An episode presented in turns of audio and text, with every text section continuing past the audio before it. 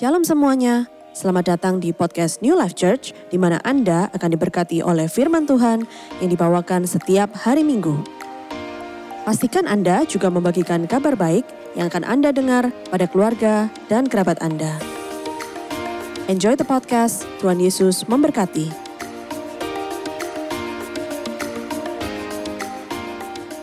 Dan untuk hari ini saya siapkan firman Tuhan dengan judul Call to Serve. Call to serve atau bahasa Indonesianya dipanggil untuk melayani. Mari kita berdoa. Tuhan kita bersyukur untuk segala kebaikan Engkau, juga untuk hadirat Engkau yang sudah kita dapat rasakan di dalam praise and worship. Dan saat ini kami rindu untuk belajar firman Engkau. Bantu kami untuk mengerti, bantu kami membuka hati. Supaya dari apa yang kita dengar hari ini benar-benar kita bertumbuh dan kita peroleh hikmat untuk berjalan setiap harinya. Di dalam nama Yesus kita semua berdoa dan semua katakan amin. Oke, sekali lagi judul hari ini adalah Call to Serve, dipanggil untuk melayani.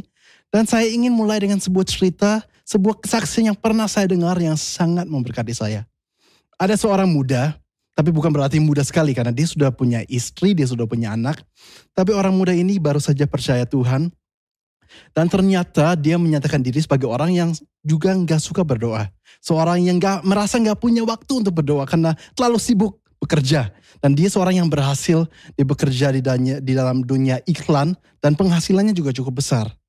Tapi satu saat waktu ditegur oleh pendetanya, dia sadar bahwa kalau orang itu punya prioritas, dia akan buat waktu untuk prioritas tersebut. Dan kalau dia nggak punya waktu untuk berdoa, berarti Tuhan bukan prioritas. Dan dia sadar bahwa itu sebuah kesalahan. Bahwa di dalam segala kesibukan dia, dia merasa nggak punya waktu untuk berdoa. Sehingga dia mengubah hidupnya dan dia berdoa tiap hari. Yang dia lakukan adalah dia bangun lebih pagi setiap harinya. Supaya pagi-pagi dia bisa siapkan kopi sambil duduk, sambil baca Alkitab, dan tutup Alkitab, mendoakan semua yang dia sudah baca supaya diminta hikmat. Tuhan bantu saya mengerti apa yang saya sudah baca. Dan Tuhan bantu saya untuk apa yang saya baca hari ini, saya bisa terapkan. Supaya Alkitab tidak menjadi koran, tapi Alkitab benar-benar menjadi sesuatu yang mengubah kehidupan. Dan dengan kebiasaan ini dia mulai merasa bahwa Tuhan bicara kepada dia melalui firman Tuhan. Dia mulai mengerti kehendak Tuhan dan satu saat dia mengatakan kepada pendetanya bahwa dia pingin untuk berhenti kerja di dunia sekuler dan pergi ke gereja dari gembala tersebut untuk bekerja atau melayani di sana sebagai seorang hamba Tuhan. Bahkan pendetanya nggak yakin apakah itu dari Tuhan. Tapi orang muda ini begitu yakin sehingga akhirnya diizinkan dan orang itu melayani bertahun-tahun dan gembalanya sampai hari ini menyatakan bahwa puluhan tahun lalu waktu orang muda ini mulai melayani di gerejanya, dia adalah orang yang paling giat dibanding semua pelayan atau semua hamba Tuhan lainnya yang kerja di gereja tersebut.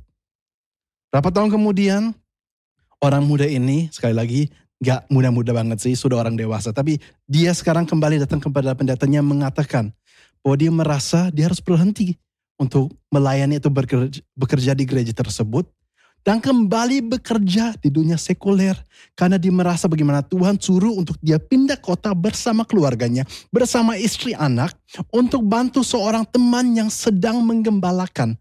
Dia seorang teman yang mau buka gereja yang baru, gerejanya masih kecil, butuh dibantu dan dia merasa kayaknya Tuhan suruh saya pindah ke kota tersebut supaya saya bisa bantu teman saya untuk membangun gereja ini. Saya bisa bantu dengan dana dan dengan banyak hal yang lain.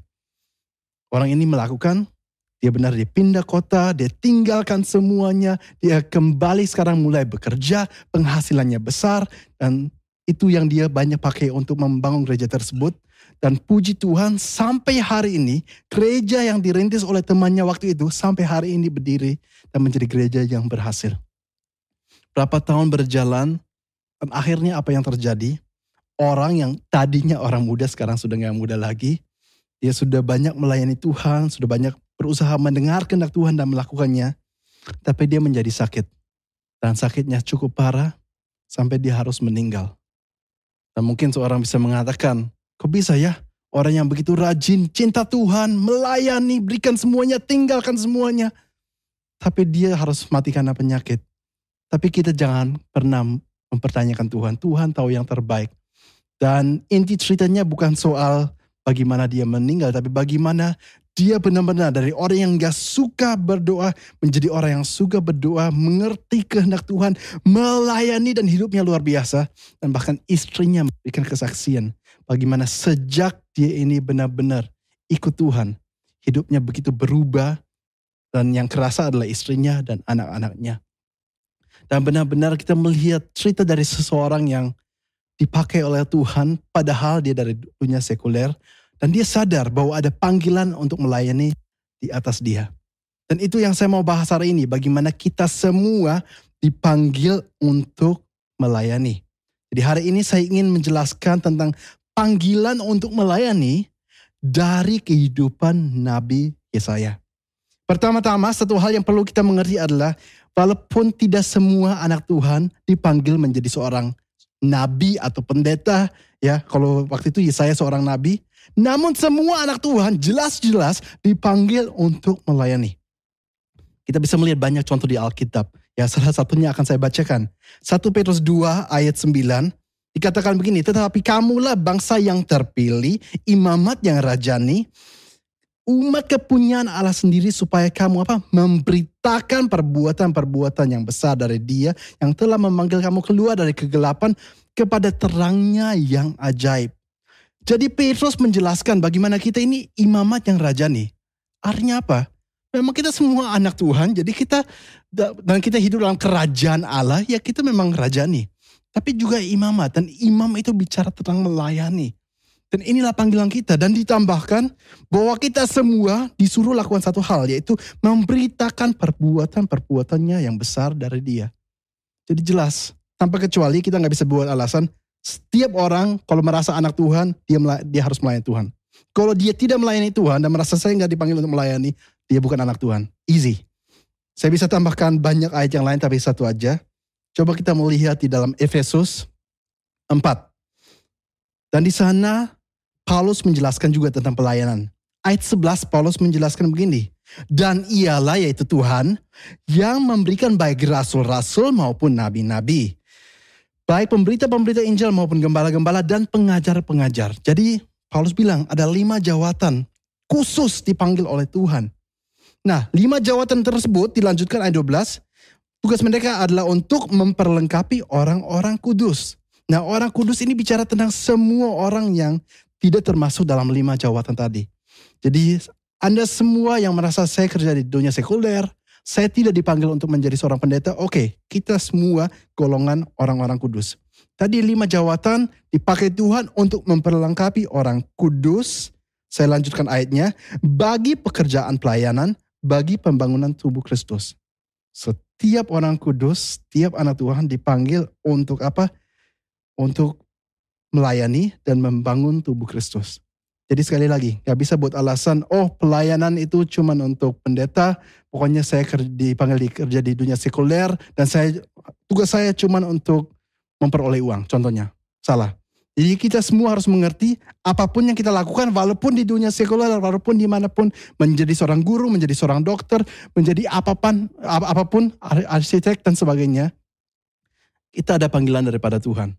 Mungkin memang Tuhan yang suruh untuk kita berada di dunia sekuler tersebut, di sana kita harus jadi terang, di sana kita, sana kita harus beritakan Injil.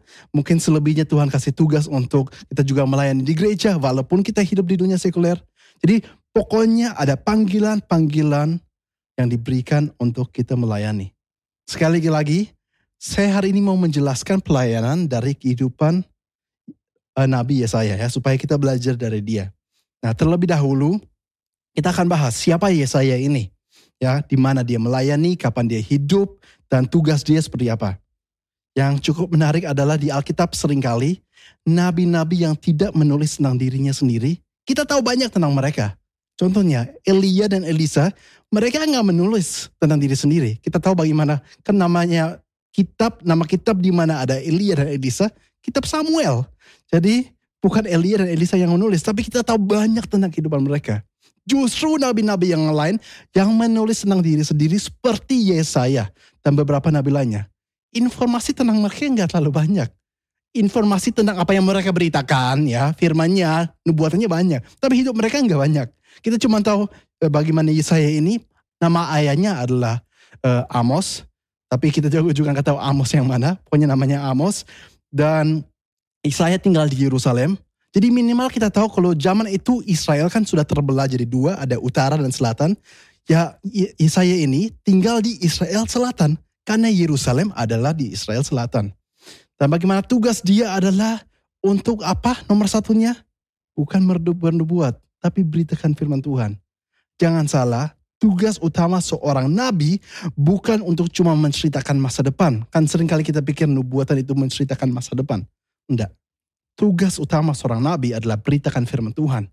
Sehingga 39 pasal pertamanya dari kitab Yesaya, kita melihat bagaimana dia banyak menegur, banyak beritakan firman Tuhan, banyak meminta umat Israel bertobatlah. Dan apa yang dia beritakan dalam bertobatlah, dikatakan kalau tidak bertobat. Ya kalau kalian gak mau berbalik kepada Tuhan, Tuhan akan izinkan bahwa kalian akan dikalahkan Assyria, kalian akan dikalahkan Babilonia, kalian akan diangkut ke Babilonia. Dan itulah pelayanannya saya untuk memperingatkan umat Israel, umat Yehuda waktu itu untuk bertobat. Apakah pelayanan Yesaya, ini berhasil? Kalau kita melihat dia berkhotbah bertahun-tahun melakukan banyak hal susah payah, umat Israel tidak bertobat sehingga akhirnya umat Israel beneran diangkut ke Babilonia. Jadi orang bisa katakan pelayanan Yesaya tidak berhasil. Dia berkhotbah, nggak ada yang mendengarkan. Akhirnya semua yang buruk yang dinubuatkan memang terjadi. Tapi jangan salah, bukannya pelayanan dia tidak berhasil. Tapi pelayanan dia itu di mata Tuhan berhasil sekali. Karena berhasil atau tidak berhasil, tidak dilihat dari bangsa Israelnya bertobat atau enggak. Tapi apakah Yesaya itu setia dengan tugas yang ada pada dia, walaupun dia nggak dengar, nggak didengarkan. Dan itu yang lebih susah.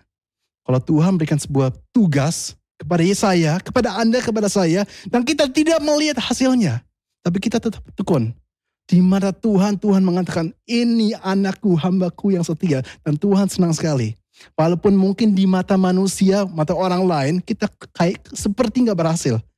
Karena hasilnya nggak sesuai. Sehingga sekali lagi, Tuhan mengukur bukan dari besarnya pengaruh kadang-kadang yang dilihat oleh orang, melainkan setia apa tidak kepada apa yang Tuhan suruh. Nah inilah yang dilakukan oleh Yesaya. Nah Yesaya ini dipanggil untuk menjadi seorang nabi. Itu kapan? Nah kita tahu bagaimana, kan hari ini kita di tahun 2021. Berarti kurang lebih 2000 tahun setelah masehi. Nah 4000 tahun sebelum masehi itu zamannya Adam. Maju 2000 tahun, 2000 tahun sebelum masehi zamannya Musa. Maju seribu tahun, kurang lebih seribu tahun sebelum masehi, zamannya Raja Daud. Yesaya tentunya setelah zamannya Raja Daud. Karena kenapa? Karena kita tahu bagaimana zaman Yesaya, Israel sudah terbelah ada utara dan selatan. Di dalam kerajaan Daud belum seperti itu. Israel masih satu. Semuanya masih unity, masih bersatu. Setelahnya keturunan setelah Daud, setelah Salomo, baru ada seperti perang di dalam keluarga dan Israel itu terbelah menjadi utara dan selatan. Dan kita baca di Alkitab bagaimana banyak raja-raja yang di utara itu benar-benar jahat sekali. Jauh daripada Tuhan, menyembah dewa-dewa lain. Dan di utara Israel eh, selatan, di yang juga disebut Yehuda waktu itu, itu masih ada beberapa raja-raja yang baik. Nah, sekarang Yesaya ini tinggal di zaman setelah itu dan bahkan dia dipanggil untuk melayani di tahun 739 sebelum Masehi. Kok bisa tahu? Kok bisa kita tahu tahun persisnya? Karena dalam pasal ke-6 Yesaya dijelaskan dan di sana ada sebuah judul pasal Yesaya mendapat panggilan Allah. Dan langsung di ayat pertama dijelaskan bagaimana panggilan itu datang pada Yesaya pada tahun matinya Raja Uzia. Dan Raja Uzia matinya di tahun 739 sebelum Masehi. Nah pasal ini yang hari ini sekarang kita mau bahas, karena di sini kita akan melihat bagaimana Yesaya ini dipanggil, dan kita bisa belajar mengenai panggilan kita juga. Kita akan baca mulai dari ayat yang kelima sampai dengan ayat ke-9. Yesaya dipanggil, dia melihat sebuah penglihatan tentang Tuhan. Dan waktu dia melihat penglihatan tersebut, apa respon Yesaya? Saya baca ayat 5. Lalu kataku atau lalu kata Yesaya, celakalah aku, aku binasa sebab aku ini seorang yang najis bibir dan tinggal di tengah-tengah bangsa yang najis bibir. Namun mataku telah melihat sang raja, yakni Tuhan semesta alam. Respon pertama dari Nabi Yesaya adalah dia mengatakan, mengatakan celakalah saya. Dia melihat penglihatan tentang Tuhan. Bayangkan dia seorang yang seharusnya cinta Tuhan dan sebagainya. Kok dia bisa katakan celakalah? Tapi satu hal yang harus kita mengerti semakin dekat orang dengan Tuhan, semakin dia sadar beberapa najis dan beberapa jauhnya dia. Dan kalau bukan karena kasihnya karunia Tuhan, dia tidak ada apa-apanya. Sehingga waktu dia melihat Tuhan, benar-benar dikatakan celakalah aku. Dan bahkan dalam beberapa ayat yang akan kita baca di sini, ini perikop yang terkenal sekali. Dengan tiga kata. Kalau dalam bahasa Inggris adalah wow, low, and go. Itu bahasa ya bahasa dulu itu bahasanya Alkitab uh, zaman King James. Kalau dalam bahasa Indonesia kata-kata tersebut adalah celakalah, lihatlah dan pergilah. Dan ini tiga poin yang akan kita bahas hari ini. Yesaya mendapat panggilan.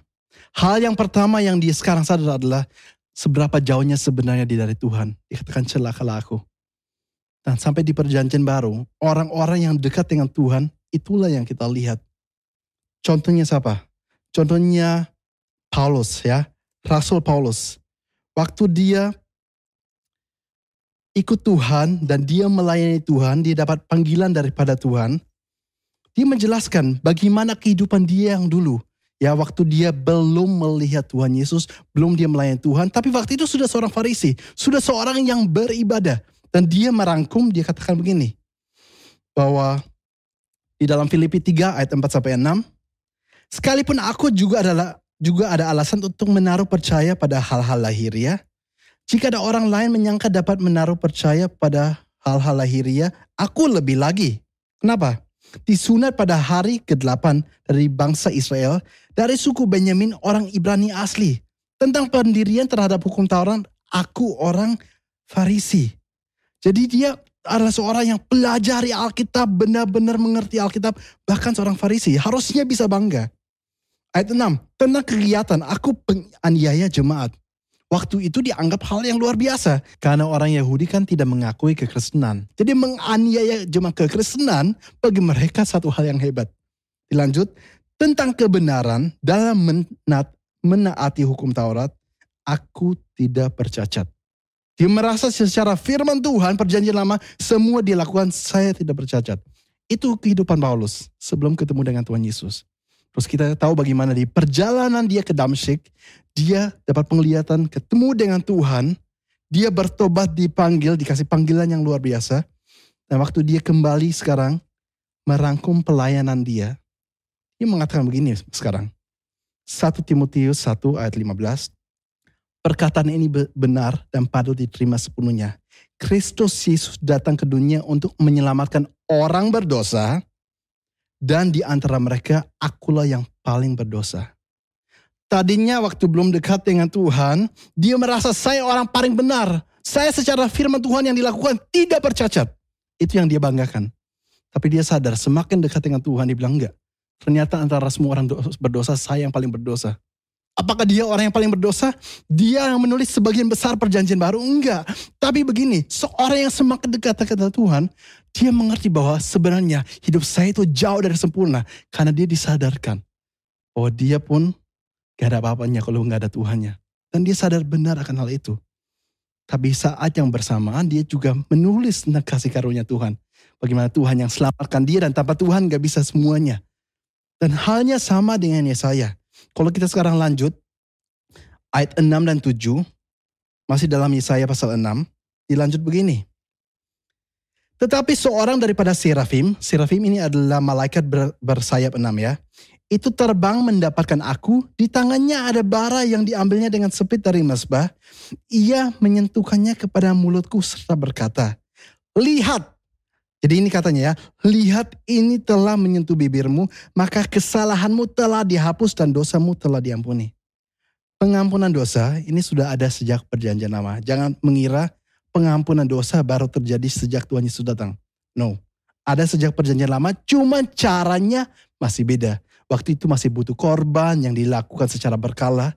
Sedangkan sejak Tuhan Yesus datang, satu kali selesai untuk selama-lamanya, bahkan kita semua boleh masuk ke dalam hadirat Tuhan. Tapi pengampunan dosa jelas di perjanjian lama sudah ada. Dan Yesaya justru karena dia sadar akan kekurangannya, maka Tuhan melayakkan dia. Dia yang tadinya katakan celakalah aku, tapi Tuhan katakan lihat ya kamu sekarang sudah dikuduskan dari semua dosamu. Dan itu sebuah berita yang begitu luar biasa. Bahkan kalau Injil ya, seluruh Injil itu dirangkum. Bisa kurang lebih dirangkum seperti ini. Dan saya akan kutip dari seorang bernama Tim Keller yang pernah mengatakan begini. Ini bahasa Inggris, nanti saya akan terjemahkan juga. We are more sinful and flawed in ourselves than we ever dare believe. Yet at the same time, we are more loved and accepted in Jesus Christ than we ever dare hope. Yang artinya, kita ini lebih berdosa dari yang kita bisa pikirkan atau bayangkan, jauh lebih berdosa. Tapi di saat yang bersamaan, Tuhan Yesus Kristus jauh lebih mengasihi kita daripada apa pun yang bisa kita bayangkan. Itu yang namanya kasih karunia. Itu sebabnya dia mau datang dari langit menjadi manusia, mati untuk Anda dan saya. Dan bahkan di perjanjian lama sudah, Yesaya, justru karena dia sadar akan kekurangan saya, Tuhan katakan, orang yang seperti ini, yang punya hati seperti ini, yang mengerti kekurangannya, yang mengerti bahwa dia nggak punya apa-apa kalau tanpa Tuhan, justru orang seperti ini yang saya akan layakan. Kenapa saya katakan ini? Banyak orang yang mungkin hari ini katakan saya nggak melayani Tuhan karena saya merasa tidak layak untuk melayani Tuhan. Orang lain yang punya kemampuan banyak biar mereka yang melayani Tuhan. Pokoknya saya lakukan hal yang lain aja. Alasannya sering kali karena diintimidasi iblis, kamu gak layak, kamu gak layak. Tapi hari ini kita disadarkan, memang benar kita gak layak. Tapi karena kita sadar kita gak layak, dan kita sadar kita butuh juru selamat, kita sadar kita butuh Tuhan yang yang membantu kita. Maka di sana kita dilayakkan. Anda dan saya, kita semua dipanggil untuk melayani. Jangan izinkan intimidasi iblis membuat kita tidak hidup di dalam panggilan Tuhan. Karena justru itu adalah hal yang terindah yang seharusnya bisa kita nikmati dan alami berjalan dalam panggilan Tuhan. Saya lanjut ayat 8 dan 9. Masih Yesaya pasal 6. Lalu aku mendengar suara Tuhan berkata, siapakah yang akan kuutus? Dan siapakah yang mau pergi untuk aku? Maka sahutku, ini aku, utuslah aku. Kemudian firmannya, ya ayat 9, kemudian firmannya, pergilah. Tadi ada celakalah, dilanjut ada lihatlah, sekarang pergilah. Orang yang sadar bahwa dia penuh kekurangan, sehingga akhirnya dia dilayakkan oleh Tuhan, maka orang itu juga akan diutus oleh Tuhan. Anda dan saya kita semua diutus oleh Tuhan. Sekali lagi ini bukan cuma pemberitaan perjanjian lama. Tadi kita sudah baca dalam surah Petrus, kita sudah baca dari juga surat-surat yang lain seperti Efesus bahwa kita semua dipanggil untuk melayani Tuhan. Pergilah. Tapi pergi ke mana? Pergi melakukan apa? Bagi Yesaya jelas di sana setelah ayat ini dijelaskan hal yang harus dia lakukan, hal yang harus dia beritakan. Tapi bagaimana dengan Anda dan saya? Kita pergi melakukan apa? Di sini secara singkat saya mau menjelaskan mengenai perbedaan dari berjalan dalam jalannya Tuhan dan berjalan dalam kehendak Tuhan. Ada beda dengan jalan Tuhan dengan kehendak Tuhan. Kita selalu pengen tahu suatu hal yang spesifik, yaitu sebuah kehendak Tuhan yang yang detail yang harus saya lakukan dan itu baik, gak salah. Roma 12 pun di dalam ayat 1 dan 2 dijelaskan bagaimana kita harus cari kehendak Tuhan yang baik berkenan bahkan yang sempurna. Tapi bukan berarti setiap detik hidup saya berada dalam area tersebut. Karena juga ada yang namanya jalannya Tuhan artinya begini. Kalau Anda dan saya, kita baca firman Tuhan, kita punya kehausan untuk mengenal Tuhan. Jadi kita menerima firman Tuhan di, di dalamnya. Kita akan mengerti tentang banyak sekali hal yang adalah jalan Tuhan secara umum untuk setiap anak Tuhan. Entah itu kita pergi untuk melakukan amanat agung, untuk kita mendoakan yang sakit, untuk kita beritakan tentang kebaikan Tuhan Yesus, untuk kita saling mengasihi, untuk kita saling melayani, untuk kita saling menasihati, dan begitu banyak hal yang ada di Alkitab tentang kita harus merupakan pasangan yang sepadan. Jadi banyak hal yang secara umum berlaku untuk semua. Dan bagi setiap orang yang belum temukan kehendak Tuhan yang sempurna bagi dia, yang spesifik. Ya, jadi kalau belum temukan kehendaknya, Gak apa-apa, kita masih bisa berada dalam area jalannya Tuhan. Karena kita melakukan itu pun sudah berkenan kepada Tuhan. Dan justru kita berada di sananya, sering kali kita baru ketemu dengan kehendak Tuhan yang spesifik. Mengerti kehendak Tuhan itu sama sekali tidak susah. Tapi paling enggak mulai dari kita mau melangkah dulu untuk berjalan di dalam apa yang namanya jalannya Tuhan. Mungkin kita nggak tahu apakah saya harus lakukan A atau B atau C nantinya secara spesifik. Paling nggak saya mulai melakukan apa pun yang saya baca dalam Alkitab. Jadi Bapak Ibu Saudara, mulailah untuk Anda doakan orang sakit. Mulailah untuk beritakan Injil. Jangan selalu katakan, saya nggak berani, saya takut, saya malu. Tapi minta supaya roh kudus mendiami Anda. Supaya dia yang berikan keberanian. Lakukan segala hal yang lain yang Anda temukan di dalam Alkitab dan Anda akan menemukan bagaimana hidup berjalan dengan Tuhan Yesus adalah satu hal yang sungguh-sungguh indah. Dan di antaranya sama seperti kesaksian saya tadi di awal khotbah. Anda sambil baca Alkitab berdoa terus. Dan Tuhan akan menyatakan pasti. Hendaknya juga hal yang dan hendaknya yang spesifik. Jadi sekali lagi, hidup kita itu penuh dengan berjalan dalam jalannya Tuhan. Tapi seada saat-saat tertentu, di mana Tuhan memberikan sebuah kehendak yang spesifik, yang secara detail, supaya kita tahu, oh kali ini memang saya harus belok ke sana. Kali ini saya mungkin harus pindah kota. Kali ini saya harus bekerja apa. Ya, tapi itu momen-momen tertentu. Tapi jangan kita cuma fokus kepada hal itu sehingga kita lupa untuk melakukan kehendak Tuhan secara umum. Yang hari ini saya juga bahas adalah untuk kita semua dipanggil untuk melayani. Itu satu panggilan secara umum, satu jalan Tuhan yang diberikan kepada setiap anak Tuhan. Jadi hari ini saya mau berikan semangat kepada Anda semua. Terlebih di tengah-tengah pandemi. Jangan jadikan pandemi ini alasan untuk kita cuman hidup untuk diri sendiri, hidup untuk keluarga. Tapi apalagi dengan teknologi yang ada, ada begitu banyak kesempatan untuk kita bisa melayani Tuhan. Dan more than that, of course, kita juga bisa melayani di rumah Tuhan. Berdoa kepada Tuhan, tanya Tuhan, God, what can I do in your house? Tuhan, apa yang saya bisa melakukan dalam rumahmu? Ada bakat-bakat yang Tuhan sudah berikan kepada Anda yang memang Anda miliki, yang Tuhan sudah mau untuk Anda pakai. Supaya rumah Tuhan di mana Anda juga berada dan melayani dan digembalakan, itu bisa bertumbuh sesuai dengan apa yang kita di awal khotbah baca di Efesus 4. Kita semua diperlengkapi, orang-orang kudus diperlengkapi untuk kita bersama membangun tubuh Kristus. Apa pun latar belakang kita, walaupun kita merasa kita belum bisa, justru untuk itu Pentakosta sudah terjadi. Pencurahan roh kudus terjadi. Dalam kisah Rasul 1 ayat 8. Sehingga kita yang merasa tidak mampu, dimampukan. Kita yang merasa tidak berani, diberikan keberanian. Kita diberikan kuasa oleh Allah. Di mari kita jangan cari alasan lagi, tapi semakin giat dalam mengikuti Tuhan. Firman Tuhan saya mau sampaikan sampai di sini saja. Doa saya adalah supaya kita semua diberikan semangat untuk benar-benar berjalan dalam hal-hal yang Tuhan sudah sediakan bagi kita semua. Mari kita berdoa. Tuhan kita bersyukur untuk semua kebaikan Engkau, untuk firman yang hari ini kita boleh dengar. Kita diingatkan bagaimana bahkan Yesaya yang merasa celakalah dia karena dia seorang yang najis. Tapi justru engkau katakan, lihat kamu ini sudah ditahirkan, kamu dikuduskan. Dan pergilah untuk memberitakan firman. Sama juga panggilan pada kita semua. Bahwa walaupun kita orang penuh kekurangan dan kita tidak layak, tapi justru karena kita sadar akan hal itu, kita dilayakkan. Kita diampuni dosanya. Dan Tuhan katakan, lihatlah saya sudah membuat kamu dibenarkan. Dan sekarang pergilah untuk melakukan kehendak saya. Tuhan saya berdoa supaya setiap orang yang mendengarkan hari ini benar-benar diberikan sebuah gairah, bahkan sebuah kuasa dan sebuah semangat untuk berjalan membangun tubuh Kristus di dunia ini. Dan marilah saat ini kita semua mengangkat tangan ke surga.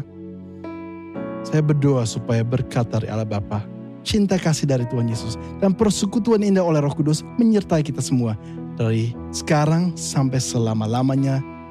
Dalam nama Yesus mau katakan, Amin. God bless you all.